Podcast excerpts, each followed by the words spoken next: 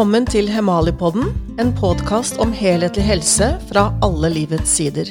Hemalipodden gir deg de modige stemmene som bringer debatt, erfaring og kunnskap videre. Programleder er Hemalis journalist Guro Schjelderup. Eva Fjelstad, velkommen til Hemalipodden. Tusen takk skal du ha, Guro. Veldig hyggelig å være her. Hvordan starta du dagen din i dag? I dag starta jeg dagen sånn som jeg veldig ofte, nesten hver dag pleier, og det er å drikke en stor kopp med varmt sitronvann. Fordi sitron, selv om det er surt, det danner base i kroppen, og med det kostholdet vi har, så får vi ofte for mye syre, så jeg tenker at jeg vil starte dagen med base som hjelper kroppen min med å rense ut slagstoffer som ligger igjen fra gårsdagen og natta. Sånn begynner jeg. Vet du, da gjør vi akkurat det samme, vi to. Det, det går ikke an å starte dagen Ja, det gjør vi.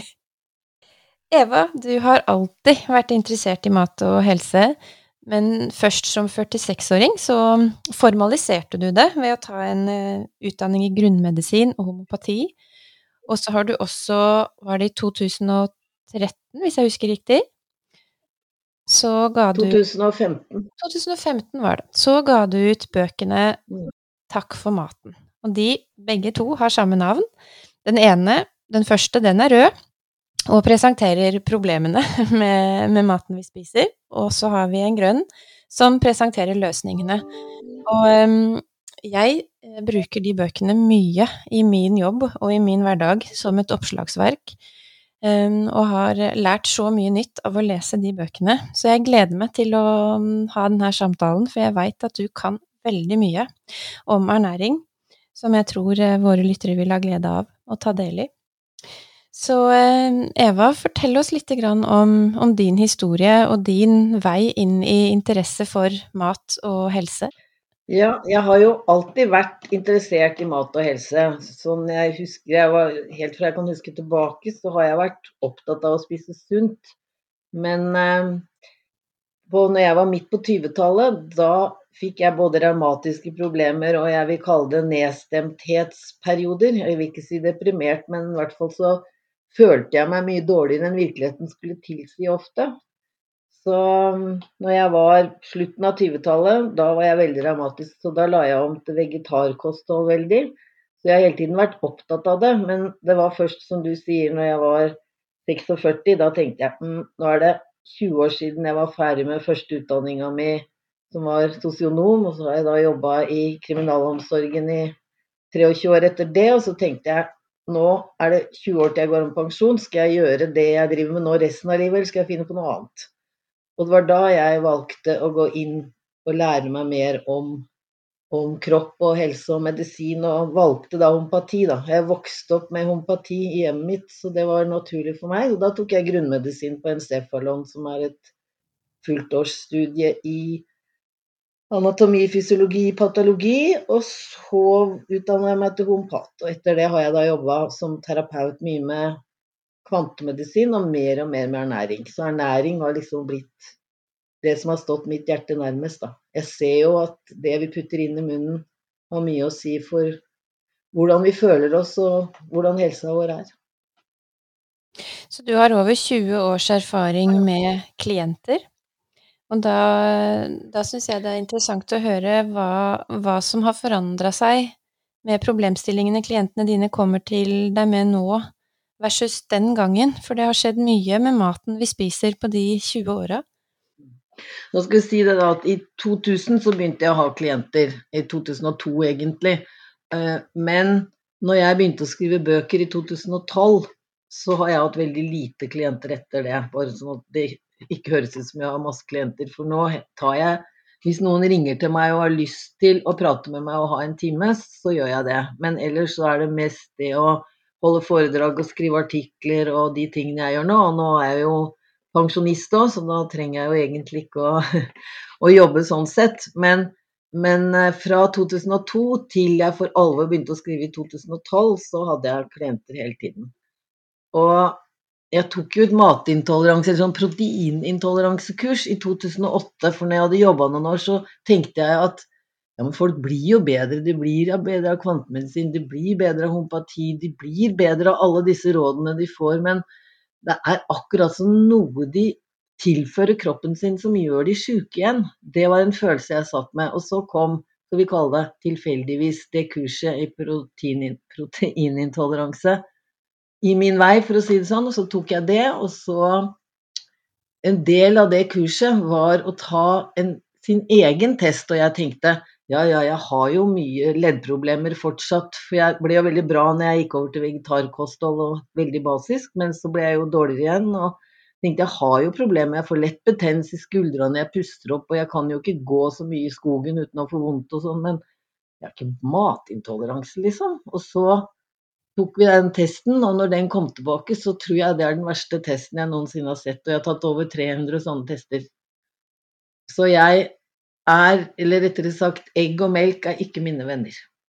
Så når det melkeproteiner og egg ble kutta ut av mitt kosthold, så fikk jeg et nytt liv. Og da forsvant også disse tunge stundene. Så selv om jeg har god grunn til å ha både tunge stunder og sånn i ettertid, så har jeg aldri hatt det sånn uten å føle at det har vært grunn til det. Ikke sant? Også når du sitter og har det helt jævlig og ikke veit hvorfor, så er det verre enn f.eks. å ha en stor sorg, da. Men da vet du nå har jeg det jævlig av det. Men å ha det like jævlig uten å skjønne hvorfor, det er faktisk verre. Og det var nok det som var utløsende til at jeg bestemte meg for å begynne å skrive om det. For jeg skjønte at har du proteinintoleranse, så har du dårlige tarmbakterier.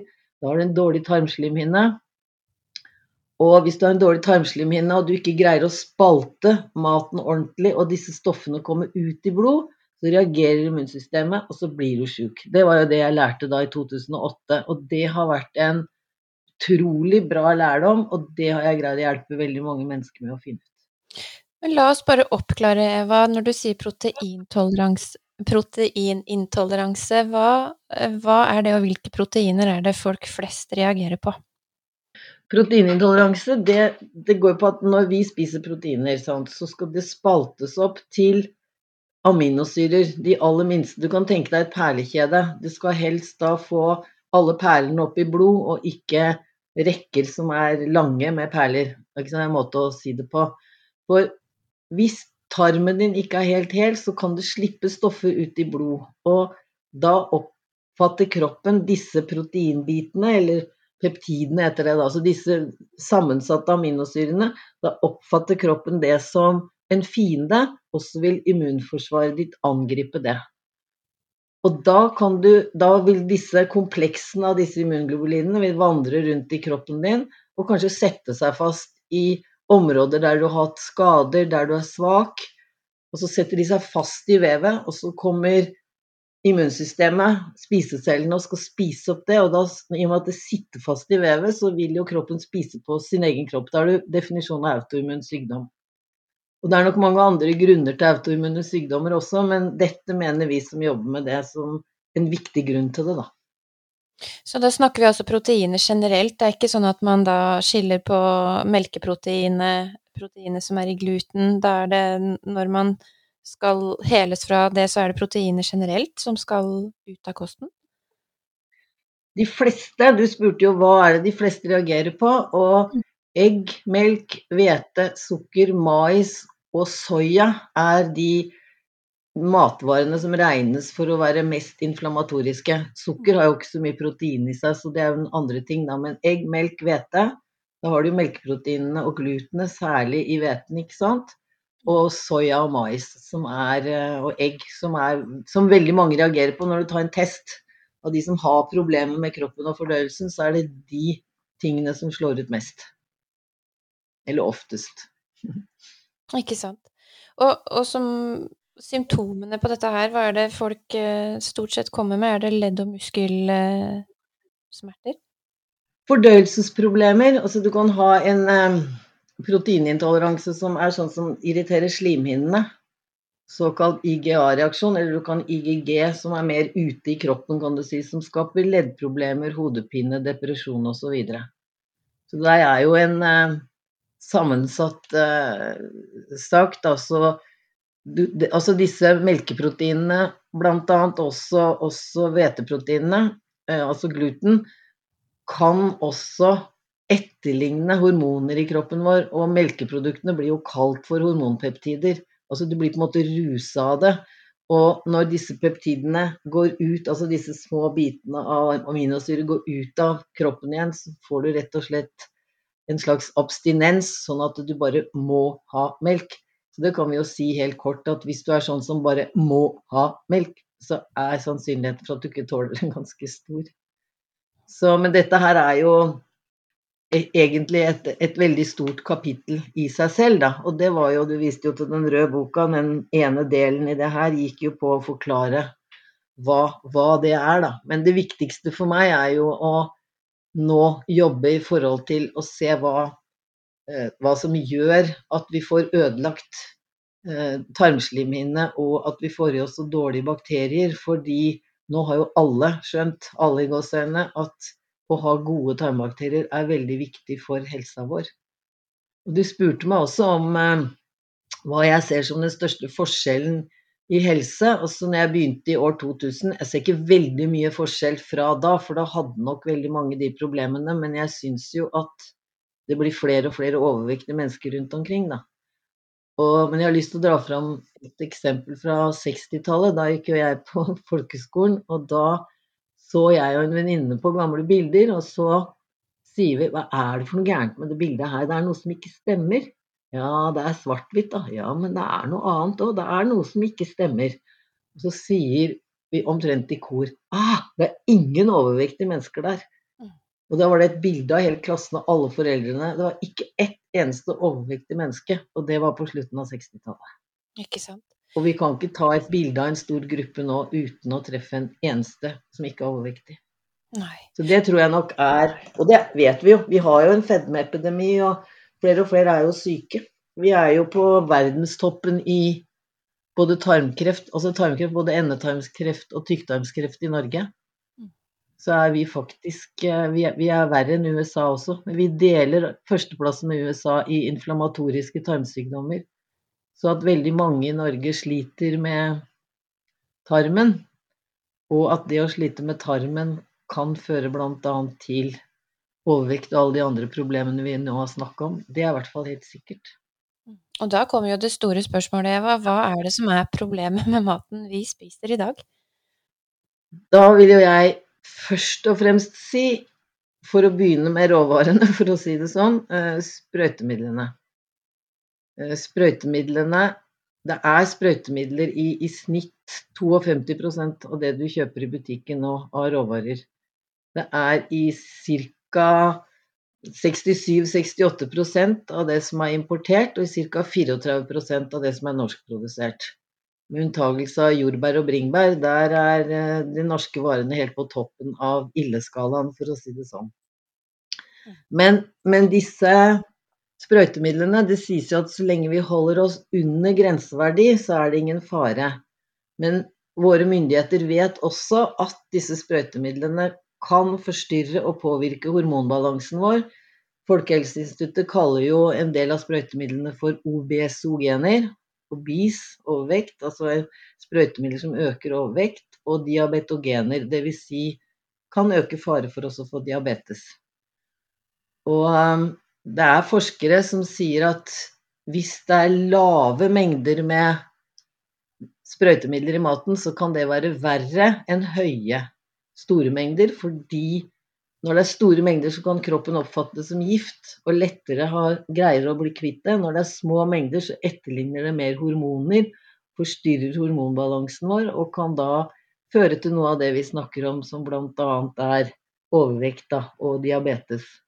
Og når vi da ved den maten som da er sprøyta, har de sprøytemiddelrestene som også er på korn f.eks. For, for å drepe mikrober og insekter, så vil jo de restene også drepe tarmbakteriene våre, selv om det er tilsettingsstoffene som er, som er, i maten, er mye verre.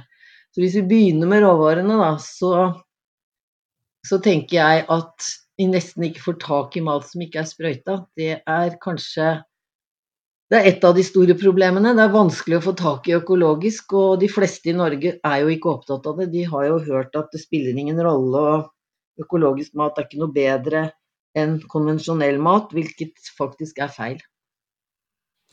Så hvis vi, For vi, det er jo veldig fokus på den ultraprosesserte maten. Men Mm. det, Og da er jo rådet å spise råvarer i stedet for. Så det du egentlig gjør nå, det er at vi begynner der. At vi må, vi må skille råvare fra råvare, sånn at vi forstår at Mm. Si du leser en oppskrift på, mm, på gulrotsuppe mm, som du skal rive appelsinskall oppi, da. Så er det ikke uvesentlig eh, hva slags gulrøtter du kjøper, hva slags appelsin du velger, og ja, osv. Om du koker krafta sjøl til den suppa, eller om du velger en buljong med diverse tilsetningsstoffer. Det er dit du vil nå, Eva, ikke sant? At det, vi, vi, må, vi skal også seinere Mm. snakke om tilsetningsstoffene, men vi må også skjønne at når vi leser en oppskrift og tar den jobben med å lage maten fra bunnen, så er det ikke uvesentlig hvilke råvarer du velger heller. Nei, det er, det er, faktisk, det er faktisk, veldig viktig å, å, å, tenke på rene råvarer. Og jeg skulle ønske at jeg kunne bidra til at flest mulig forsto det, og at det ble mer etterspørsel etter det. Fordi når, når vi som forbruker ikke spør etter det, så vil det heller ikke bli. Og vi ser jo det på en del ting som skjer, at når vi virkelig begynner å etterspørre, så kommer det. La oss bare ta glutenfrie og laktosefrie produkter, ikke sant. Når det blir kjent, så svømmer jo butikkene over av det. Så hvis vi hadde fått alle til å si vi vil ha økologisk, så ville nok produksjonen bli gjort om til det, ikke sant. Men så er det jo neste du sier, det er jo den ultraprosesserte maten. Og der er det jo også dårlige råstoffer. Og altså, prosessert mat, det får du nesten alltid. Altså hvis du har helt rene råvarer, så er det selvfølgelig uprosessert. Men bare vi spiser et eple, så prosesserer jo vi eplet når vi tygger det. Men det blir jo å lage mat av rene råvarer. Det som er ille med den ultraprosesserte og hardt prosesserte maten vi kjøper i butikken, det er jo det at de, de tar jo maten og deler den opp og drar ut de delene av maten de ønsker for at den skal holde lenge, og så tilsetter de fortykningsmidler, tilsetter vann, kunstig smak. Så det blir lite næring i maten ved siden av at de putter i masse stoffer for at maten skal få god konsistens, god farge og, for ikke å glemme, holde lenge. Ja, og i tillegg Og der kom vi jo inn på mm, Nå hørte jeg ikke hva du sa, Guro. Nei, vi, vi, har litt, vi har litt sånn lagging med lyden, så det kan vi si til lytterne våre at hvis vi avbryter hverandre, Eva, så er det bare litt sånn lagging, som ungdommene mine sier. Men det jeg skulle si, det er jo også tilsatt mye fyllstoffer som er billig. Eh, sånn at um, um, Ja, som, som, ikke gir næring i kroppen i det hele tatt, men som er billig for produsenten. Som gjør at, at de kan tjene mer penger på maten.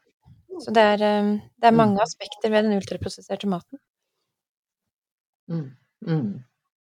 Den kan være veldig fattig på næring, veldig full av, som du sier, fortykningsmiddel, smaksstoffer som ikke gir noe næring, og være så hardt behandla at, at, proteinene er ødelagt. Altså varmer du opp proteinene eh, over 140 grader, så, så, blir de vanskeligere fordøyelige for kroppen, vanskeligere å spalte opp. Og så er det jo tilsatt da stoffer som skal lage større holdbarhet, f.eks. Og jeg er jo gæren på, å si det sånn, de um, antimikrobielle konserveringsmidlene. For det er i omtrent all norsk mat som er ferdigprosessert når du kjøper den i butikken. Og det er jo stoffer som er tilsatt maten for å drepe bakterier. F.eks. på natriumbenzoat, som du finner i kaviar og syltetøy og saft og alle sånne majonessalater osv. Hvis, du skal hvis du skal kjøpe det på nettet, og du, um, du gjerne vil ha tak i noe, så søker du på det, og så kommer det opp at uh, natriumbenzonat is an effective sterilization of food and beverage. Altså effektiv sterilisering. Det betyr den dreper effektivt alle bakterier i mat og drikke. Og det er jo veldig fint, da får vi ikke oppvekst av noen bakterier i maten. Og det er jo det produsenten vil unngå, for vi vil jo unngå at vi skal spise mat og bli sjuke av det, ikke sant. F.eks. en sånn majonessalat med reker, da. Reker kan fort bli dårlig, vi skal jo helst ikke bli sjuke av det. Men når absolutt alle bakterier er drept, og de stoffene er jo fortsatt i maten når vi spiser det, så fortsetter de å drepe bakterier i din tarm. Ikke sant? Og det syns jo jeg er eh, ille at våre myndigheter tillater det. Og da har jeg lyst til å si at i Tyskland så brukes ikke natriumbenzoat og kaliumsorbat, som er det andre. Les på en kaviartube eller majonestube, så står det tilsatt natriumbenzoat og kaliumsorbat. De to konserveringsmidlene brukes ikke i Tyskland. Hvis du spør her i Norge, så er det nødvendig for at maten skal holde seg. Og det må også være nødvendig for at det skal være tillatt å bruke det. Og så spør du myndighetene våre, så sier de nei, vi må bruke det fordi at det er EU-regelverket. Eh, e og da pleier jeg å si at jeg er så dum, jeg, at jeg tror at EU er medlem, at Tyskland er medlem i EU, siden vi må bruke det. Men tyskerne ikke må bruke det. Det fins ikke en matvare med natriumbenzoat og kaliumsorbat i tysk mat. Her i Norge så får vi ikke kjøpt noe uten. Og det syns jeg er veldig ille. Det er en av de tingene som, hvis jeg skal si, en av de tingene som virkelig frustrerer meg, og at det ikke går an å gjøre noe med det. Mm. Men da må vi jo eh, problematisere litt de her grenseverdiene, og du har noen veldig fine eksempler i boka di på hvor fort de overskrides eh, daglig. Fordi at eh, tilsetningsstoffer de er testa isolert hver for seg. Men så har vi den berømte cocktaileffekten. Vil du si litt om, om grenseverdier og cocktaileffekt, Eva?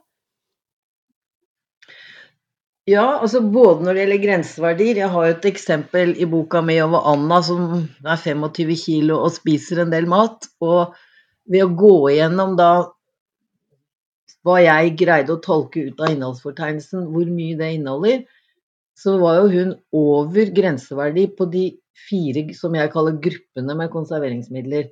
Det er natriumbenzoat, jeg snakker om benzosyre, så er det sorbat, sorbin og sorbat, så er det nitritt og sulfitt. Mm.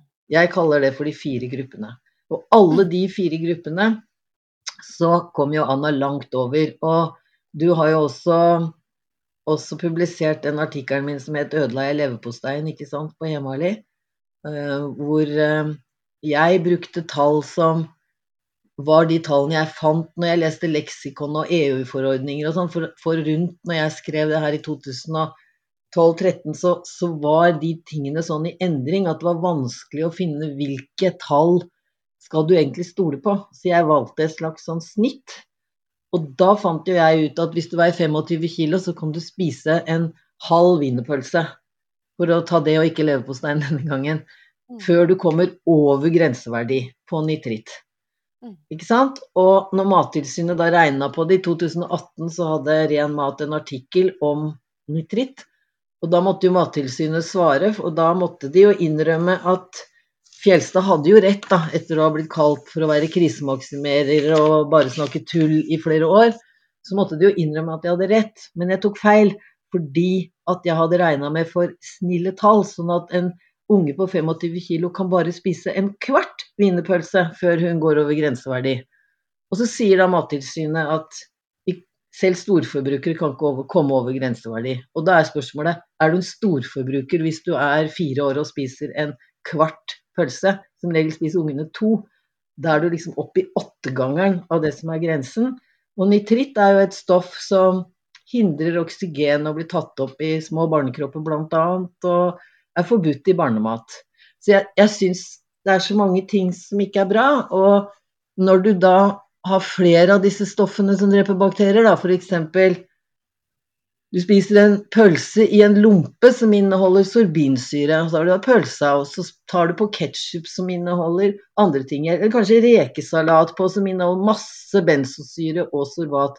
Så får du en enorm blanding av alle disse stoffene, og all, all den maten inneholder da stoffer som dreper tarmbakteriene dine. I tillegg så inneholder de fortykningsmidler. Nå har det vært mye snakk om karagenan, som er et av disse som brukes mye i is og andre ting, som Marit Kolby med flere har fått en del produsenter til å droppe nå.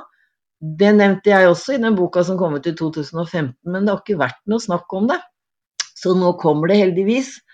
Og mitt ønske er da at, at, folk skal få opp øya for alle disse stoffene som dreper tarmbakteriene våre. For jeg er helt overbevist om at med disse sprøytemidlene med obesogene og diabetogene effekter, altså endrer hormonene, melk som er så hardt behandla at det også kan blokkere hjernen, og all denne maten vi spiser med, med stoffer som dreper bakterier, så er det samla sett, i tillegg til internett og for luftforurensning og you name it, en veldig viktig årsak til at vi stadig får dårligere og dårligere helse. Det var en lang tale, Guro. ja, men den er viktig. Men jeg har litt lyst til å gå tilbake til nitritten, for det er jo en av de mest omstridte mm, tilsetningsstoffene, og de er jo i veldig mye av det vi spiser. Skjønner du, snakker om at en jente på 25 kilo i fireårsalderen ikke kan spise mer enn en kvart wienerpølse til middag. Så er det jo også en viss sjanse for, eller ganske stor sjanse for, at den samme jenta spiste brødskive med leverpostei både til frokost og kanskje i barnehagen. Eh, og da blir jo grenseverdiene overskredet veldig lett eh, i løpet av en dag. Um, mm. Og, ja, og sånn jeg har forstått det så, i tillegg, da. Ja, og sånn jeg har forstått det, så er ikke når man har godkjent tilsetningsstoffer og satt de grenseverdiene, så er ikke tarmen tatt hensyn til. Altså tarmbakterier. Stemmer det? Det de tok hensyn til, det er at de ser at disse stoffene blir skilt fort ut fra kroppen. Sånn at mm. vi lagrer ikke de stoffene i kroppen. Sprøytemidler kan vi lagre, mm. men ikke tilsetningsstoffene. De går fort ut, men på sin vei gjennom systemet mm. så, så, treffer de jo disse tarmbakteriene våre da, og dreper de, ikke sant. Og det er jo de tarmbakteriene som igjen skal prosessere maten vi spiser, danne de fettsyrene vi trenger, gjøre om B-vitaminene så vi kan bruke de, gjøre om magnesium og andre mineraler, sånn at de blir biotilgjengelige for oss. Så, så summa summarum så, så, får vi jo lite stoffer opp i kroppen i forhold til hva som er i maten, da, fordi vi har ikke de tarmbakteriene som skal lage signalene våre, som lager de stoffene vi skal ha. Og ja, da blir situasjonen ganske ille, da.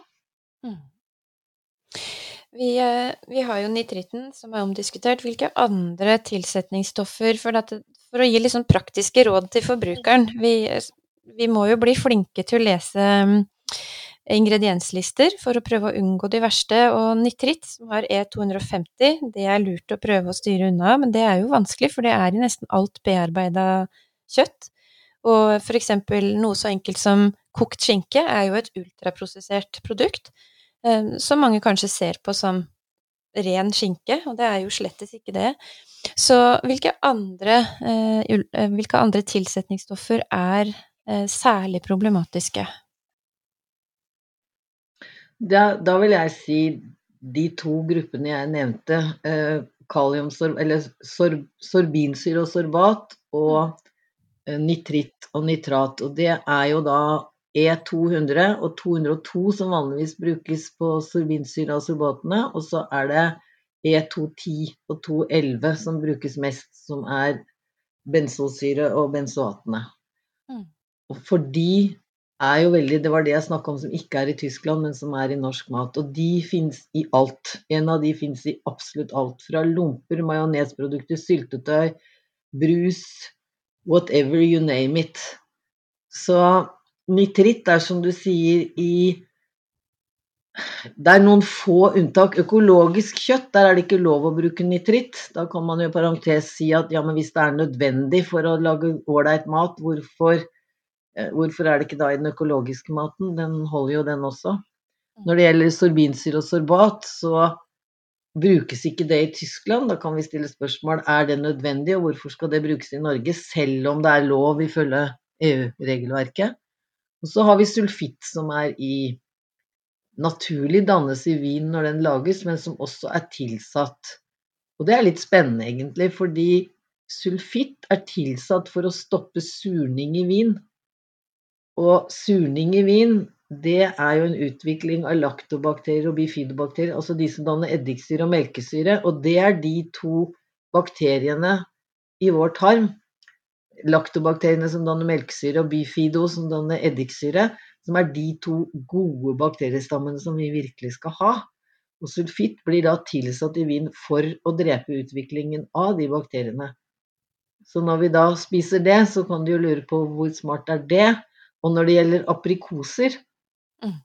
bare for å ta noe som er sunt Aprikoser som, er, som ikke er økologiske, de er tilsatt sulfitt, og da har de tilsatt det som er maksdose. Det vil si, og det står på pakkene faktisk, det er to gram per kilo som er maksdose.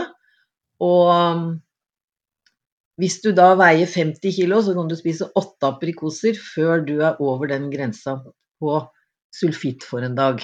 Så Mm. drikker du vi vin i tillegg, da, eller en jentes mm? Da er det tørka aprikoser vi snakker om nå, ikke sant? Ja, tørka Ja. aprikoser. Mm. Så, og det du, det du nevnte også, også med nitritt, som er i, i alt kjøtt altså Det blir jo sagt at nå sier de åpent at de tilsetter det pga. rødfargen, men i 2000 så var det overhodet ikke lov. Da var det veldig strengt. Da kunne du kun bruke nitritt for å redusere faren for botulisme. Og i 73 faktisk så ble nitritt forbudt i Norge pga. at det var så farlig. Da bruker man kaliumsorbat isteden, altså det som er E202. For det var også veldig effektivt å drepe bakterier. Men så ville produsentene ha nitritten inn igjen, for de sa at vi forbrukere ville ikke ha grått kjøtt. Men da var det veldig strengt, mens nå så sier de det helt åpent at de bruker det pga. rødfargen. Og så sier de at eh, kaliumsorbat er ikke farlig i det hele tatt, det gir ikke noen eh, virkning. Men likevel så ble det jo brukt istedenfor nitritt, da, fordi det var bakteriedrepende nok til å være i kjøttet. Så du hører her er det masse motsigelser og ting som ikke henger på noen logiske greip i det hele tatt. Men det som er ille for oss, er at vi spiser jo dette her hele tiden, da. Og når du sier hva skal vi gjøre isteden? Jo, kjøp reinest mulig råvarer og lag det fra bånn av sjøl. For vi spiser nå 60% ultraprosessert mat, og det er jo mat som er altså, lagd til det ugjenkjennelige. Du kan ikke se hva som er i produktet. F.eks. en rekesalat. Du ser rekene og kanskje noen eplebiter, men resten vet du jo ikke hva er, for det er en blanding av eggepulver og oljer og eh, fortykningsmidler og emulgeringsmidler og konserveringsmidler. Og det er jo et typisk eksempel på ultraprosessert mat. Og så har vi en annen viktig, eh, viktig aspekt som eh, ultraprosessert mat også påvirker. Også det er eh, omega-3-6-balansen. Har du lyst til å, å si litt om den?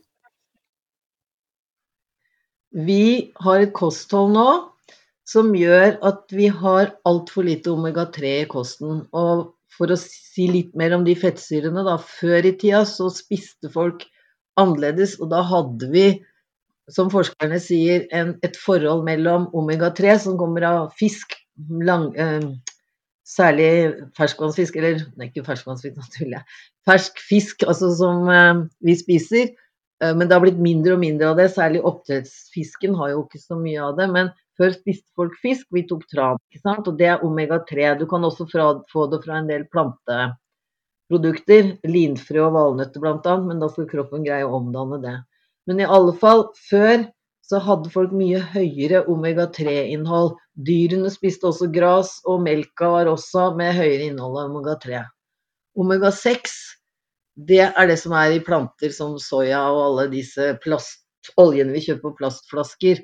Men for å komme tilbake til det du sa, før så var forholdet der eh, to til tre deler omega-6 og én del omega-3. Mens når vi spiser sånn som vi gjør nå, så er snittet i Norge 15 deler omega-6 i forhold til omega-3. Og omega-6 er en veldig inflammasjonsfremmende fremmende eh, fettsyre, mens omega-3 senker, senker eh, inflammasjonen i kroppen. Omega-3 blir veldig fort harskt, så derfor så tar de det ut av den ultraprosesserte maten.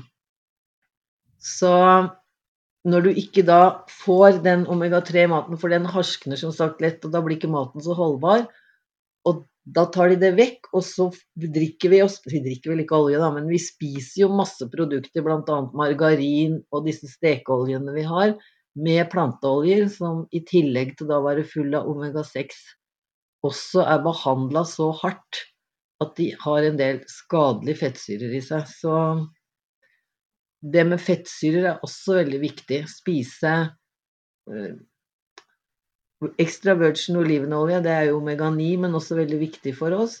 Spise omega-6 med nøtter og frø, og omega-3 ved å få i seg en del fisk. Og de aller fleste i dag bør ta et tilskudd av rene, gode omega-3-fettsyrer for å holde inflammasjonen i kroppen nede. Mm. Og hvis vi da skal gi noen konkrete råd til å, å minimere omega-6 i kostholdet, hva er det som bør ut da? Alle disse stekeoljene og oljene vi bruker, eh, alle disse som består av mais, eh, raps, soya Raps inneholder også en del omega-3, men det er en, en, olje der som også kan fungere irriterende på tarmen for de fleste. Så de fleste jeg kjenner av naturleger som, som jobber med det, anbefaler ikke raps. Men det er jo tross alt bedre enn soyaolje og maisolje og disse hardt fermenterte, eller ikke hardt fermenterte, hardt prosesserte. Så hvis vi skal gi et råd, så er det å kutte ut all olje i plastflasker, kutte ut all margarin, og kutte ut majoneser og den slags produkter som også er lagd med dårlig olje. Så det er litt ille, men, men skal du leve sunt i dag, så, så må du egentlig lage alt fra bånda sjøl. Det er veldig lite av det du kan få kjøpt. Det var det jeg konkluderte med i den røde boka. Nå. Det er jo ikke noe hyggelig, men 80-90% av det vi kjøper i norske butikker, gjør deg syk. Og det er jo annet av de grønne som vi har snakka om nå, da. Men uh, det var derfor jeg skrev den grønne boka som handler om hva du kan gjøre for å få en frisk tarm og friske tarmbakterier. Og da er det jo det å lage alt fra bånn. Unngå mest mulig sprøyta. Spise dyr som har vokst opp på giftfritt fôr. Spise fisk fra havet. Rense ut tungmetaller det du kan med å spise mat som renser, bl.a. frukt og grønnsaker og bær, som er veldig bra. Drikke nok, og sitronvannet vi begynte å snakke om. Så, så, så, det er jo det å bli veldig bevisst, men jeg tenker at det er en jobb å begynne å lage alt fra bånn av. Nå er vi så vant til at vi bare kjøper, men det er jo en god del ting vi kan gjøre, da. F.eks. det er koselig å gå i skogen om høsten og plukke masse bær og legge i fryseren, så man slipper å kjøpe de sprøyta bærene. Det er hyggelig sammen med unger eller venner å lage store porsjoner med mat på en lørdag som man kan fryse ned og ha utover. Altså, det er det å begynne å tenke litt annerledes på sånne ting. Sånn som det tipset du hadde på Emali. Kutt ut all den her eh, Hva skal vi si Alle disse yoghurten og den som er tilsatt den, De er også tilsatt konserveringsmiddel ofte. Og, og, og dårlige safter og masse andre produkter. Gå over til rein, fin kefir. Ha dine egne saftprodukter som du tilsetter fra friske bær. Altså, men du, du, må planlegge, og du, du, må ikke Du kan ikke våkne en dag og finne ut hva skal vi ha til middag i dag, og gå innom butikken og kjøpe det. Det blir dyrt òg, faktisk. Så så er det jo rimelig å kunne lage en del ting. Tåler man bønner og linser, det er jo kjempebra for oss. Og hveten, det er jo også et kapittel for seg sjøl, Guro. Den har jo blitt endra så mye de siste årene. Og det er tilsatt ekstra gluten i masse brødvarer, så, så man burde jo bake brød sjøl også. Og da helst surdeigsbrød. Eller finne noen bakere som lager det. Så det er eh, det er veldig mange ting man kan si, men, men mitt viktigste tips er bli bevisst. Prøv å kjøpe rene råvarer. Lag alt du kan fra bånda. Gjør det hyggelig med familie og venner. Plukk bær. Prøv å få tak i å låne en kjeller hvis du ikke har kjeller sjøl. Prioritere å ha en fryser i huset så du kan fryse ned mat, osv., osv. Er det noe jeg har glemt nå, eller? Eh, nei, ikke. Det var ikke Du har sagt så mye fint, men jeg har, eh, jeg har også en helsereise bak meg, og har et råd til som, jeg, som du gjerne kan kommentere på. Fordi at det jeg eh, har gjort de seneste åra, det er å, å spise sjeldnere. Eh, sånn at jeg spiser stort sett to måltider om dagen. Og da er det når du bare har bestemt deg for det, så unngår du alle, her, alle de her mellommåltidene, eller det man kaller snacking på engelsk. Og det er jo gjerne de mellommåltidene som du spiser på farta med kanskje stress i kroppen og dårlig pust, og du har ikke ro rundt måltidene. Det bidrar jo ikke positivt, sånn som jeg har erfart. Og, så hvis du på en måte klarer å komme inn i en rytme hvor du bestemmer deg for å spise to ganger om dagen, så kan du legge mye mer av sjela di i det. Og så tror jeg veldig på måltidene. Vi har eh, Jeg bor med fire tenåringer, så vi klarer ikke alltid å samle alle til bordet, men vi, vi spør hver morgen eh, når kommer du hjem i dag, og så prøver vi å sørge for at vi samles den ene gangen om dagen, fordi at en måltid har jo en større verdi enn å bli mett. Um, så det, den småspisinga, mellommåltidene, de skulle jeg ønske at vi kunne snakke mer om. Så jeg vet ikke hva dine tanker er om det? Jeg tenker at den trenden som er nå med å drive det vi kaller intermittent fasting, altså at du har et vindu på 15 timer i døgnet 15-16 hvor du ikke spiser, og spiser innafor et vindu, som de sier. Hvis du spiser klokka 12 og klokka 6, da er ferdig å spise 8 og spiser 12 dagen etter, så, så får du et spisevindu som er i løpet av åtte timer, og så har du resten av døgnet uten å spise. Og det roer ned fordøyelsen. Og det å spise hele tiden, det er mye å si om det. Hvis du spiser hele tiden, så får du jo det de kaller jevn blodsukkerbalanse, og noen mener det er sunt. Ikke sant? Det er jo det våre myndigheter sier, at du skal spise og holde forbrenningen jevnlig oppe, så ikke du blir veldig sulten og spiser mye. Mens erfaring nå viser jo at hvis du har gode tarmbakterier og spiser mye sjelden, så fordøyer jo kroppen den maten, så får fordøyelsen lov til å hvile. Vi bruker veldig mye energi også på å fordøye maten. Og vi skal også bygge opp igjen det vi har spist, næringsstoffene vi har tatt opp. Og vi skal også skille ut. Altså når vi ikke spiser, så begynner jo kroppen å reparere. Den begynner å destruere ødelagte celler. Bruke proteinene og de andre stoffene fra de cellene til å bygge opp nye, friske celler. Det er jo en prosess som foregår hele tiden tarmslimhinna vår trenger ro for å hele seg. Nå husker jeg ikke helt, men jeg tror det er at, at tarmslimhinna vår er, har nye celler hver fjerde dag. Hver tredje eller hver fjerde dag. Jeg er litt usikker, men, men det betyr i hvert fall at det er et veldig kort liv for, nei, for tarmslimhinna vår. Og vi trenger å få næringsstoffer som gjør at vi kan få bygd tarmslimhinne, og vi trenger å ha så mye ro at kroppen får tid til å hele det. Og vi får også mye bedre eh, forbrenning, skal vi kalle det, ute i kroppen når vi ikke spiser så ofte. Fordi hvis du spiser sjelden, så greier kroppen å switche over fra å bruke sukker som energikilde til å bruke det vi kaller for ketonlegemer. Og det er også noe som hjernen veldig greit gjør om til det sukkeret den trenger, men da slipper vi å gå med så høyt blodsukker hele tiden. Som er et av problemene i, i dagens samfunn. ikke sant? At vi snakker, sånn som du sier, og spiser hele tiden. Og som du også sa, som er veldig viktig, så sier du at vi gjør det kanskje med stress. Altså vi er sultne, vi sitter i bilen, vi skal hjem fra jobben, vi dytter en sjokolade inn i ansiktet mens vi venter på grønt lys og har dårlig tid for vi hente unger i barnehagen. Altså den situasjonen, det stresset der, er ikke bra. Fordi når vi er stressa, så har vi blod ute i musklene våre, fight and flight.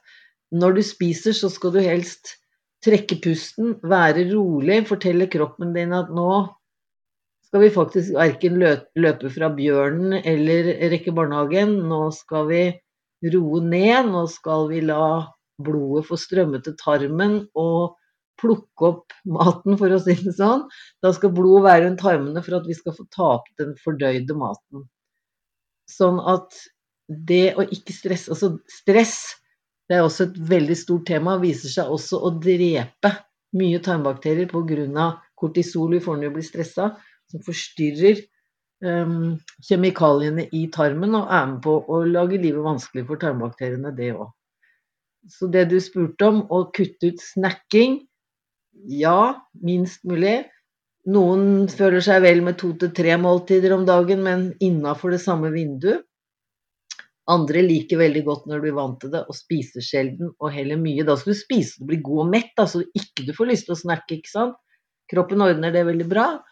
Og så få det jevne blodsukkeret og ja, i det hele tatt, kroppen vil fungere mye bedre med det. Stadig mer forskning viser jo det, selv om det fortsatt er uenighet da, rundt omkring om det. Jeg tror jo kroppen sender oss signaler hvis vi øver oss på å lytte også. Sånn at eh, jeg kjenner jo som fortsatt er i fertil alder, at jeg har en, et annet spisemønster de to første ukene av syklusen min enn de to siste, eksempel. Så jeg tror jo også at veldig mye av det å være et moderne menneske i dag eh, gjør at vi handler mye på impuls, og at vi har ikke på en måte den kontakten inn, da. Så jeg tror jo det at hvis vi lærer oss å lytte mer til hva kroppen forteller oss, så mm. finner vi svarene også der på hvor mm. ofte vi skal spise. Og jeg kjenner at mm. enkelte dager er det nok med ett måltid, mens da siste uka i syklusen så er det godt med tre litt mindre, eksempel. Og de, den var ikke jeg i kontakt mm. med for fem år siden.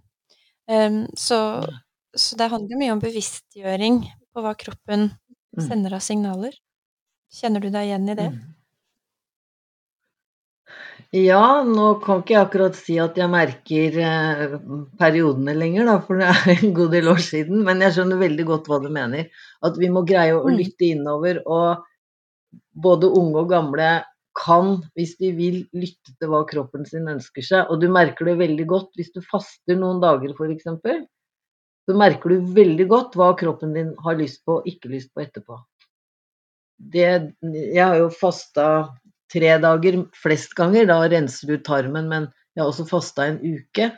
Og det å sette seg ned da og, og, og spise ting sånn prosessert eller ting som det, Nei, da sier hele kroppen imot. For det du vil ha da, eller det jeg vil ha da, da det er friske grønnsaker og rein mat. Det er det kroppen ber om da, og da er det veldig tydelig.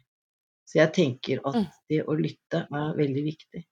Så tenker jeg også på det som vi begynte med, vet du, med sitronvann, fordi det er basisk. Og det som er, er at stress øker jo syreproduksjonen i kroppen. Og har vi for mye syre i kroppen, så er jo det sykdomsfremkallende.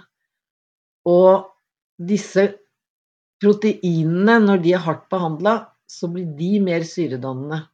Når fettsyrene i disse flaskene våre og i margarinen også er ultraprosessert eller så hardt behandla, så, så, blir det også mer syre når vi fordøyer det.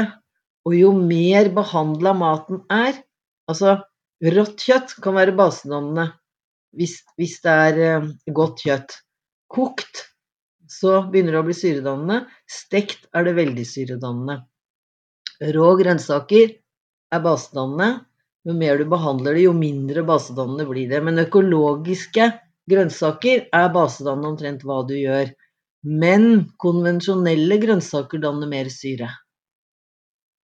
Fordi de inneholder stoffer som er syredannende. Og prosessert mat med alle de tilsetningsstoffene Altså, vi får i oss 15 gram om dagen med syntetiske tilsetningsstoffer hvis vi spiser vanlig mat. 15 gram. Det er faktisk ganske mye. 5-6 kilo i året.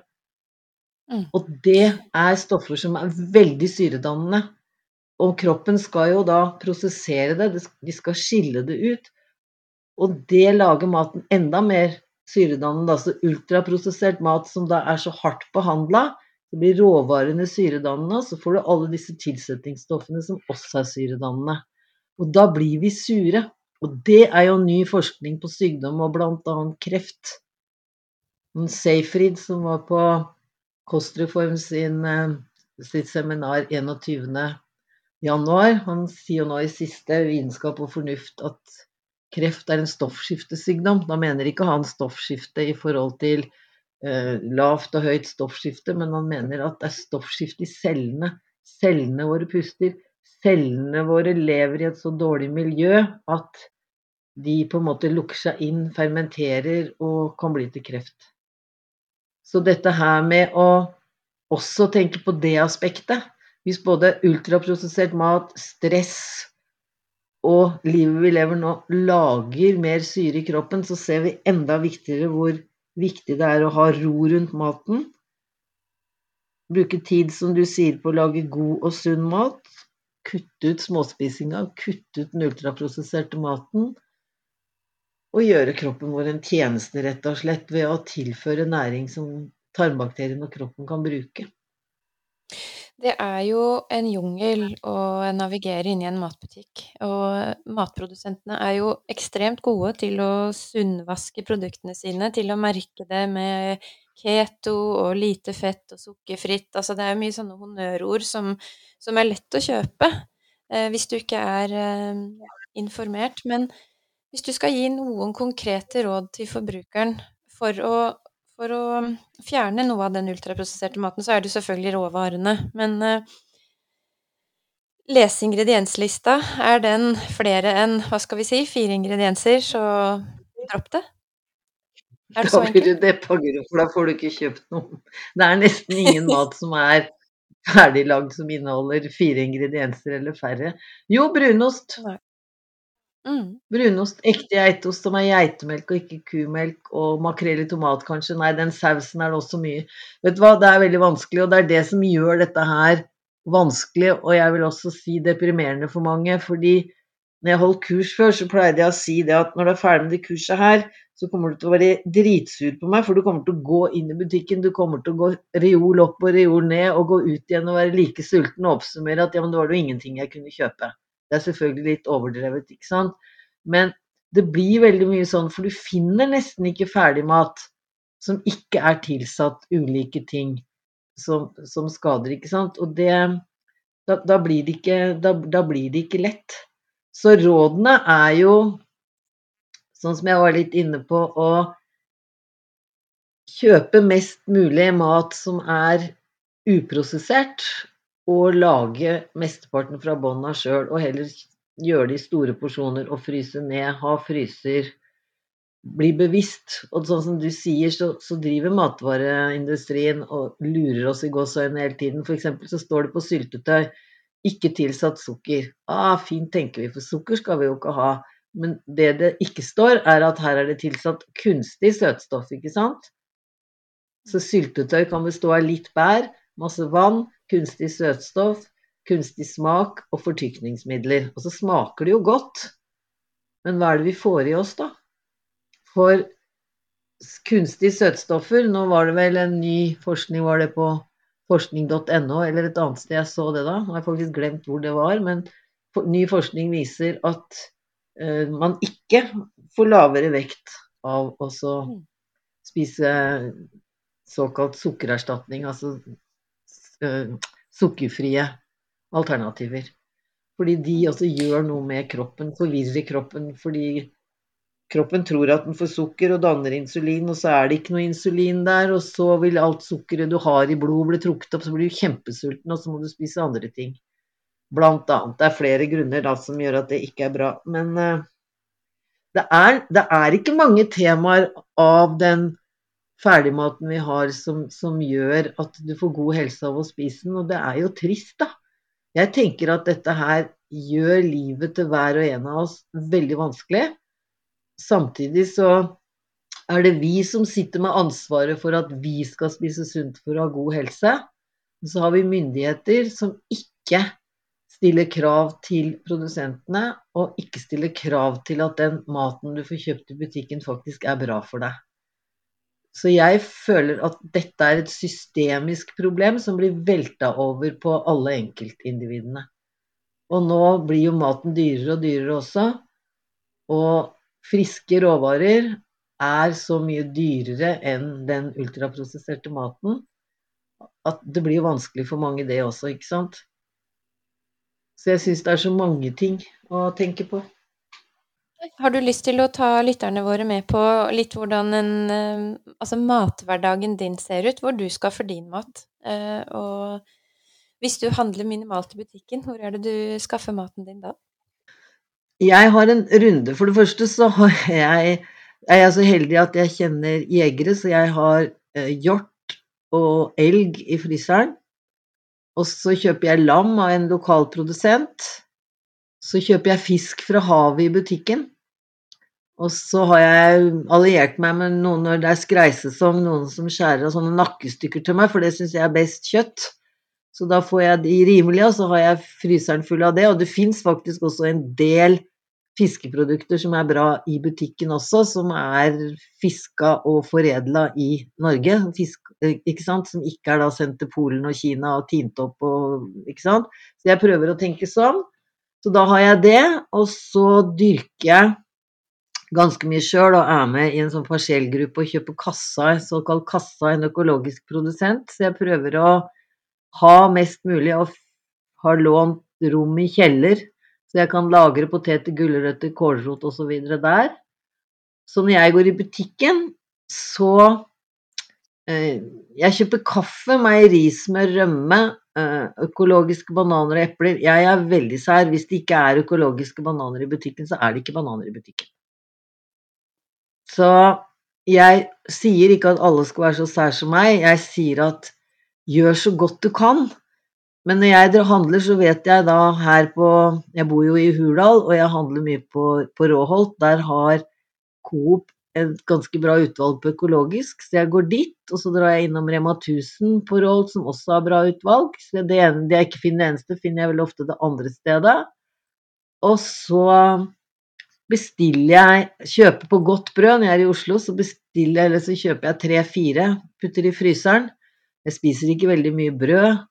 Eh, min frokost består veldig ofte av en eller annen form for friske bær fra fryseren med Lager meg en smoothie med kokosmelk, eh, solsikkekjerner, avokado kanskje. Og eh, spiser det til frokost. Og så er jeg god og mett etter det, og så spiser jeg kanskje, hvis jeg har spist lite frokost, en sånn frøknekkebrød med brunost er jeg glad i. Det skal man helst ikke si, for det er visst mye sukker i, men det er et rent produkt. Jeg er veldig glad i det. Og så er det middag. Og middag er stort sett hos meg fisk og kjøtt og masse grønnsaker. Både rå og kokte grønnsaker. Og det er vel stort sett det jeg spiser i løpet av en dag. Så um, ble det noe klok av den dagsmenyen, eller? Absolutt, det ble det. ligner faktisk veldig på min, eller vår, som vi har her. Mm. Og jeg har blitt mindre Mm. opptatt av at det skal være en spesiell rett også. Jeg har blitt mer opptatt av at det skal være byggeklosser, sånn at jeg trenger ikke å kalle det noe. Men har du et godt kjøttstykke fra gressfora dyr eller vilt, og så har du eller grønnsaker av god kvalitet, så har du jo et måltid. Det trenger ikke å, å hete noe eller være en spesiell oppskrift. Og det syns jeg har letta eh, i gåseøynene byrdene på kjøkkenet, da. At du, du bare setter sammen ting som er bra for deg, og så Og når råvarene er gode, så blir det godt. Det gjør jo veldig ofte det, vet du. Og jeg, jeg tenker også det at å lage mat og, og, og bruke en del krydder Altså krydder er veldig bra til å rydde i tarmen. Så jeg bruker ganske Mm. mye krydder i maten også, og da tilsetter jo det mye smak. Og jeg har fått helt sånn, skal vi kalle det dilla på sånn bukkehornsfrø. Det smaker jo så bittert, men har litt av det i en gryterett, så framhever alle andre smaker. Så det er veldig mange sånne tips, da. Jo, jeg har jo i den grønne boka mi, Guro, så har jeg jo 26 sider om urter og hva de gjør for tarmen, og hvordan du kan bruke det i maten. Så jeg tenker at, eh, at man finner tips og råd når man leter, og leter du på krydder på, eh, på nett også, så, så får du jo greie på veldig mye. Men det å lage mat, som du sier, det man har, og blande sammen, og etter hvert når man har gjort det en stund, så får man jo en sånn følelse av hva som blir godt. Ikke sant? Og så har jeg lyst til å si ett tips, fordi jeg er glad i pasta, men jeg er ikke så glad i å spise hvete. Hvetepasta heller ikke den grove. Men eh, da skal jeg jo si at det fins sånn eh, linsepasta og bønnepasta, eller ertepasta. Så økologisk linsepasta koster 30 kroner for en sånn stor pose, og den smaker faktisk veldig godt. Og da spiser du linser sammen med fisken din istedenfor hvete. Og det er også veldig bra å ikke ha hvete og korn sammen med fisk og kjøtt og grønnsaker. Veldig mange spiser jo brød til, da, så de gjør jo det i Syden og sånn, men Men, men, det å erstatte en god del av hveten med linser uten at det koster deg noe, altså å, å koke det tar seks minutter å koke de kjempegode istedenfor å bruke hvete, det, det er ett tips. Definitivt. Og det finnes jo også bokhvetevarianter som også er bedre enn en hvetevariantene når det kommer til pasta. Mm. Vi stiller eh, alle våre gjester det samme spørsmålet avslutningsvis, Eva. Og eh, det spørsmålet er hva er det viktigste du gjør for helsa di akkurat nå?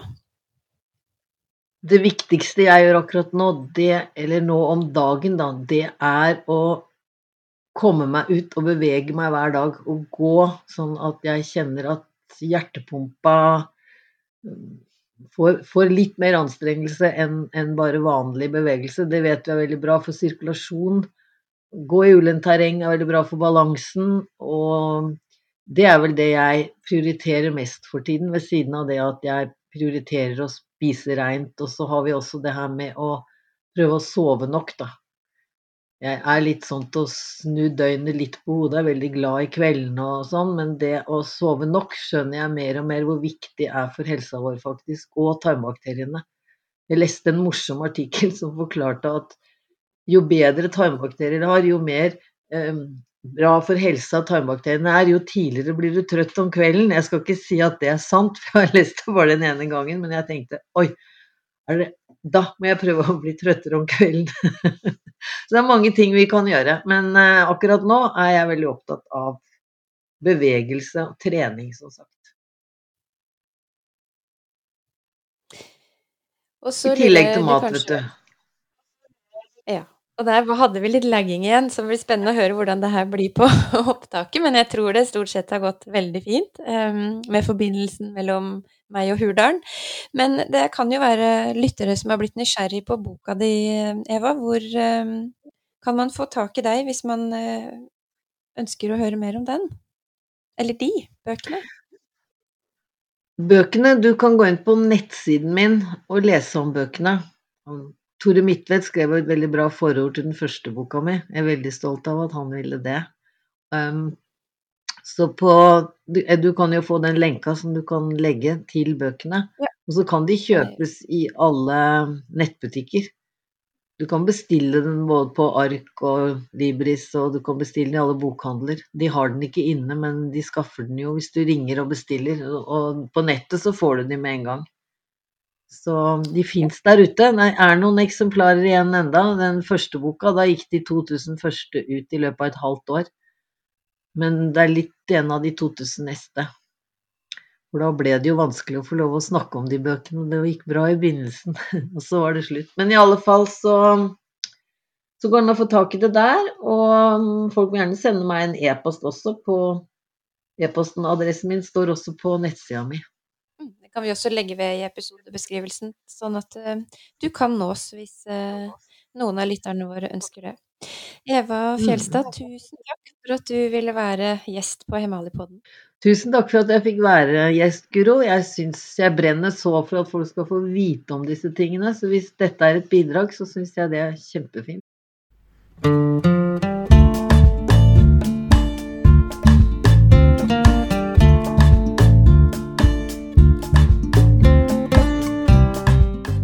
For at du lytter til Emaliepodden.